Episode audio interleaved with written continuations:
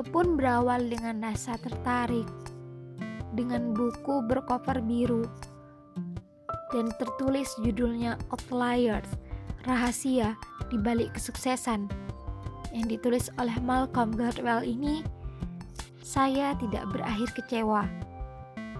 Sungguh, buat kamu semua, buku ini sangat luar biasa.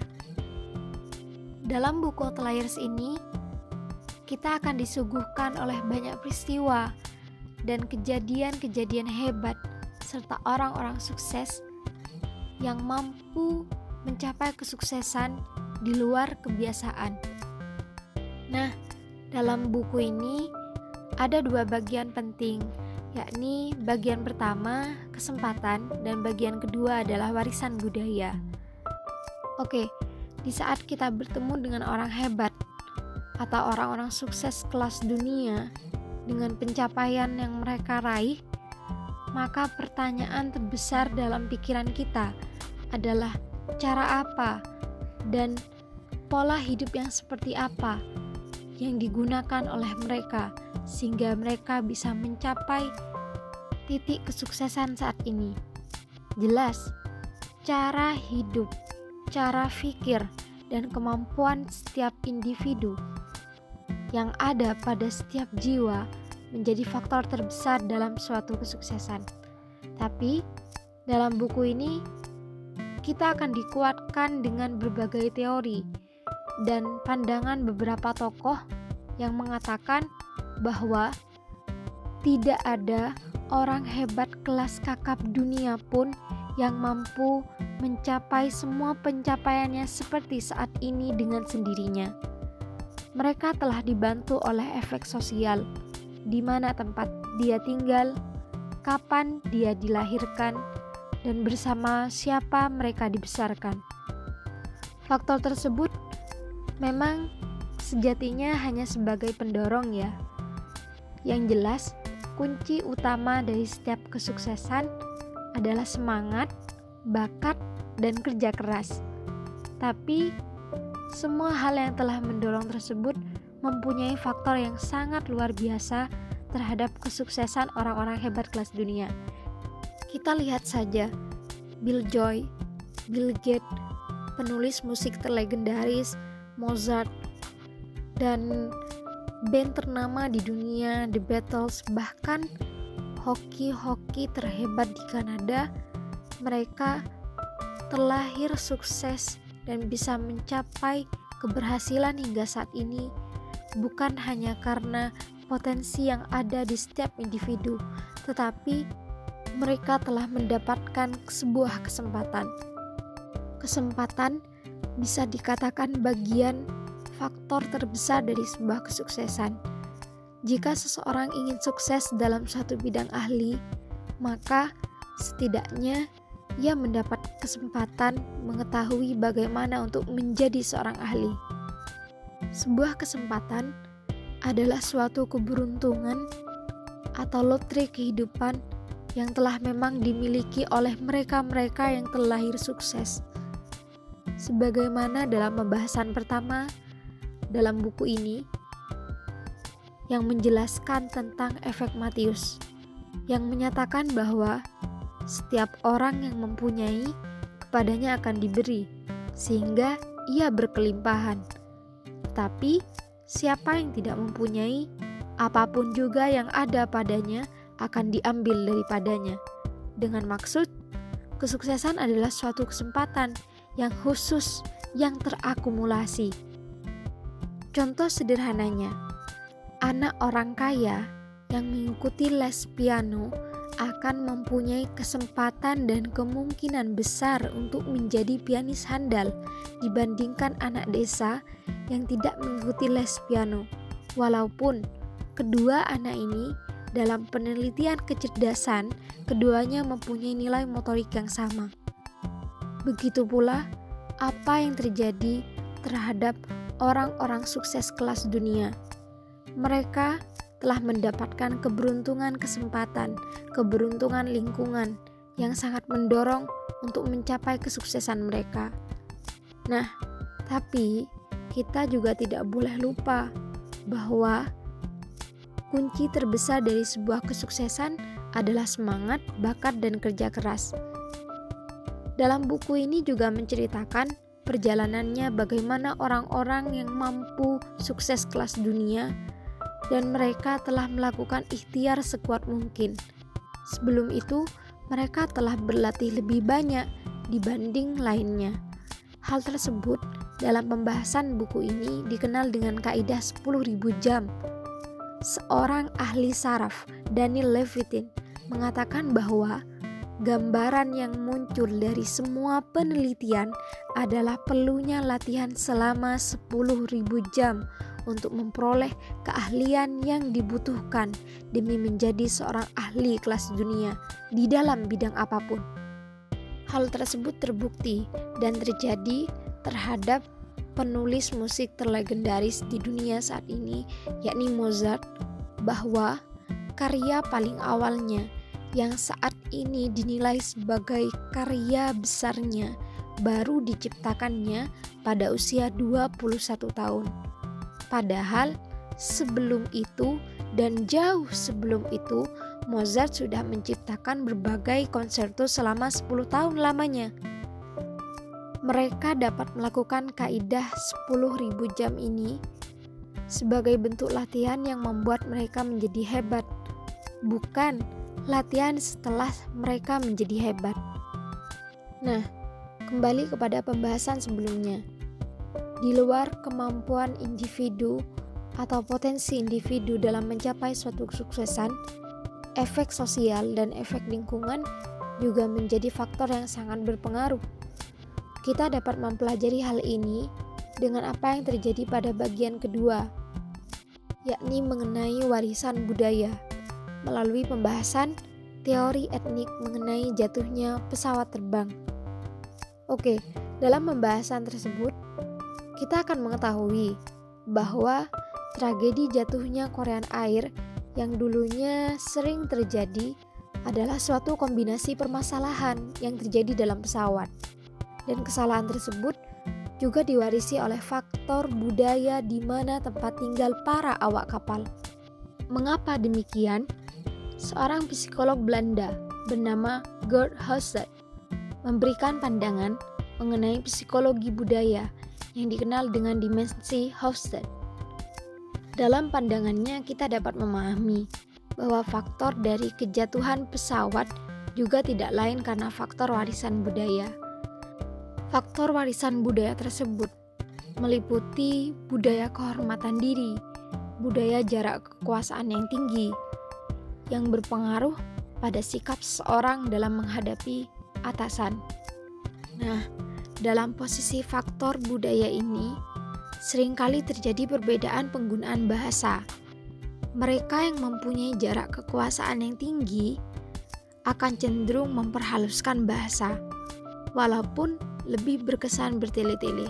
Sebaliknya, mereka yang mempunyai jarak kekuasaan yang rendah akan cenderung langsung mengatakan apa kemauannya. Oke, saya kasih contoh yang sederhana.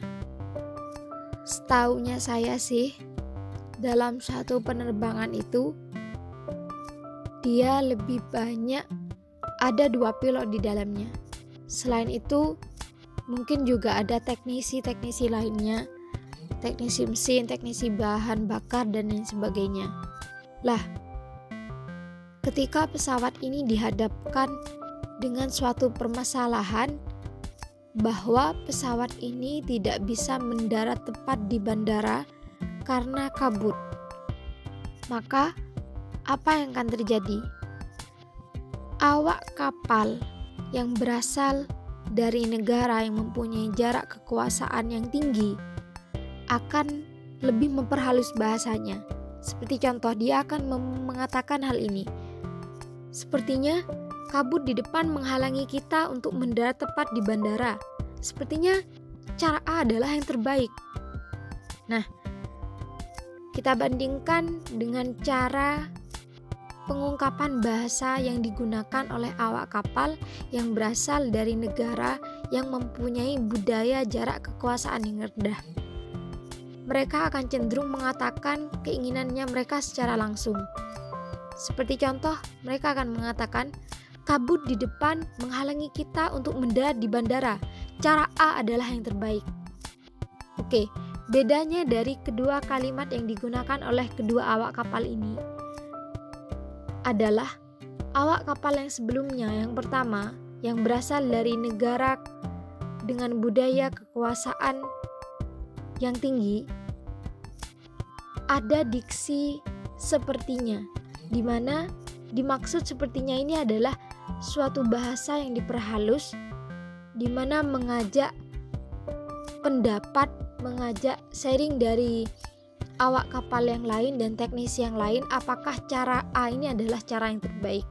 Berbeda dengan diksi yang digunakan oleh awak kapal yang kedua, yang tidak ada kata sepertinya dia cenderung langsung mengatakan cara A adalah yang terbaik.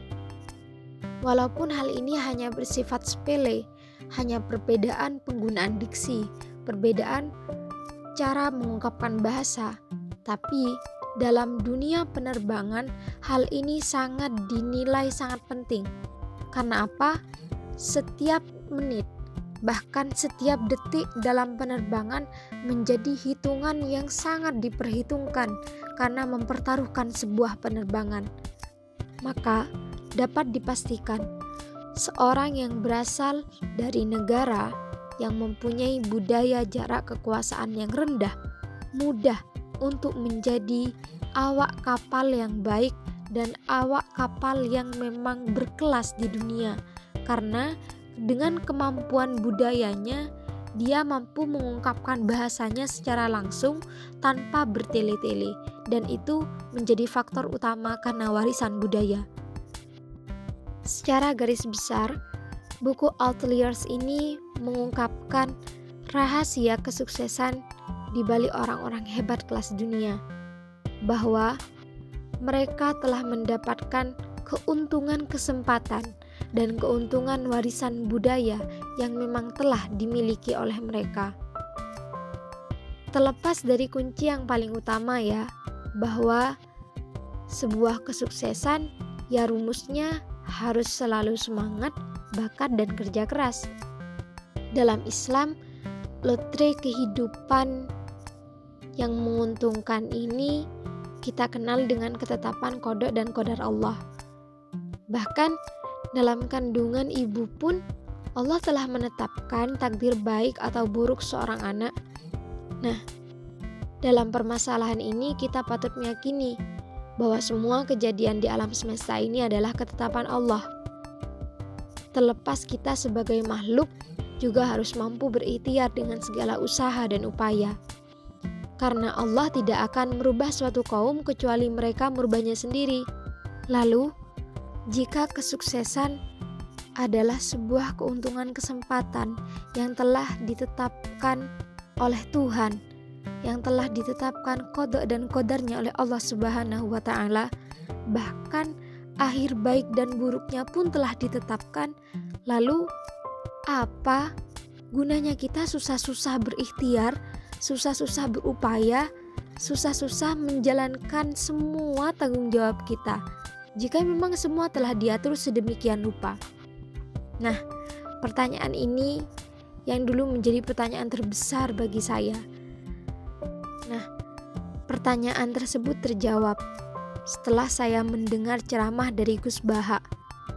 Beliau menekankan, jika saya dalam posisi sebagai makhluk holik yang maha tahu segalanya, maka saya akan menjadi makhluk yang paling bangga atas apa yang telah ditetapkan oleh Tuhan, atas apa yang telah ditetapkan oleh Allah. Karena naudzubillah, kita menjadi makhluk dari pencipta yang tidak tahu. Lalu apa maksudnya? Pencipta kok. Kenapa tidak tahu apa akhir dan ketetapan dari makhluknya? Subhanallah, betapa luar biasa, betapa hebatnya dan betapa kuatnya Allah Subhanahu wa taala. Maka dapat dijamin Allah telah menitipkan anugerah kekuatan, anugerah kehebatan kepada makhluknya. Jadi ketika kita analogikan seperti ini, seorang pelukis handal kelas dunia akan mempunyai karya yang spektakuler, mempunyai karya yang sangat luar biasa dengan nilai jual yang tinggi. Berbeda dengan pelukis biasa yang tak berkelas. Nah, untuk menggambarkan bahwa kita makhluk Tuhan yang maha kuat, makhluk Tuhan yang maha agung, makhluk Tuhan yang sangat luar biasa, maka kita harus menunjukkan potensi anugerah yang telah dititipkan oleh Allah Subhanahu wa taala. Walaupun berbagai kajian teori dan tokoh mengatakan bahwa keuntungan kesempatan dan keuntungan warisan budaya adalah hal yang mendorong setiap individu untuk sukses, tapi saya harap kita tidak melupakan bagian pembahasan terpenting bahwa mereka orang-orang sukses kelas dunia telah melakukan kaidah 10.000 jam dalam buku ini. Bahwa mereka telah melakukan hal tersebut sebelum mereka dikatakan hebat. Nah, kaidah 10.000 jam ini adalah bukti ikhtiar mereka sebagai upaya untuk mencapai kesuksesan yang telah ditetapkan oleh Allah Subhanahu wa taala. Untuk kamu semua, jangan ragu. Sekalipun kita dalam kondisi keadaan yang kurang beruntung, kita masih sangat berpotensi untuk hebat. Hanya saja saat itu kita dalam pelatihan Tuhan untuk menjadi makhluk yang lebih hebat dari biasanya. Ya, sejatinya setiap kondisi adalah ketetapan Tuhan yang dapat ditimbang potensi baik buruknya. Maka, upaya terbaik adalah sikap kita dalam menghadapi setiap kondisi ketetapan Tuhan. Salam sebagai makhluk dari Holik yang Maha Kuat. Sampai ketemu di episode selanjutnya. Bye bye.